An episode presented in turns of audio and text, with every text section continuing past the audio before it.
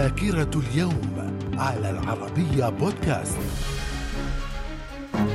أهلا بكم ومن ذاكرة اليوم السادس والعشرين من يناير في العام 1340 ملك إنجلترا إدوارد الثالث يعلن ملكا على فرنسا. في العام 1479 السلطان العثماني محمد الفاتح يستولي على مدينة أشقدرة بشمال ألبانيا والتي كانت خاضعة لحكم البنادقة. ومن ذاكرة السادس والعشرين من يناير في العام 1788 الأسطول البريطاني تحت قيادة قيادة آرثر فيليب يبحر إلى ميناء سيدني لتأسيس مدينة سيدني المستوطنة الأوروبية الدائمة الأولى في القارة ويحتفل بهذا اليوم كيوم أستراليا الوطنية. في العام 1841 المملكة المتحدة تحتل هونغ كونغ. في العام 1885 القوات الموالية للمهدي تحتل الخرطوم. من الذاكرة. في العام 1937 السلطات الفرنسية في الجزائر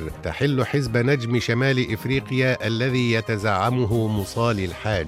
في العام 1952 اندلاع حريق كبير في القاهرة التهمت خلاله النار نحو 700 محل وسينما وكازينو وفندق ومكتب ونادي في شوارع وميادين وسط المدينة. من الذاكرة. ومن ذاكرة السادس والعشرين من يناير في العام 1962 المسبار رينجر ثلاثة ينطلق لدراسة القمر لكنه أخطأ هدفه بما يقدر بحوالي 22 ألف ميل. في العام 1965 اللغة الهندية تصبح اللغة الرسمية للهند. في العام 1980 بداية إقامة العلاقات الدبلوماسية بين إسرائيل ومصر. وفي العام 2005 كوندوليزا رايز تؤدي اليمين كوزير للخارجية الأمريكية لتصبح أول امرأة أمريكية من أصل أفريقي تتولى هذا المنصب. من الذاكرة. ومن مواليد السادس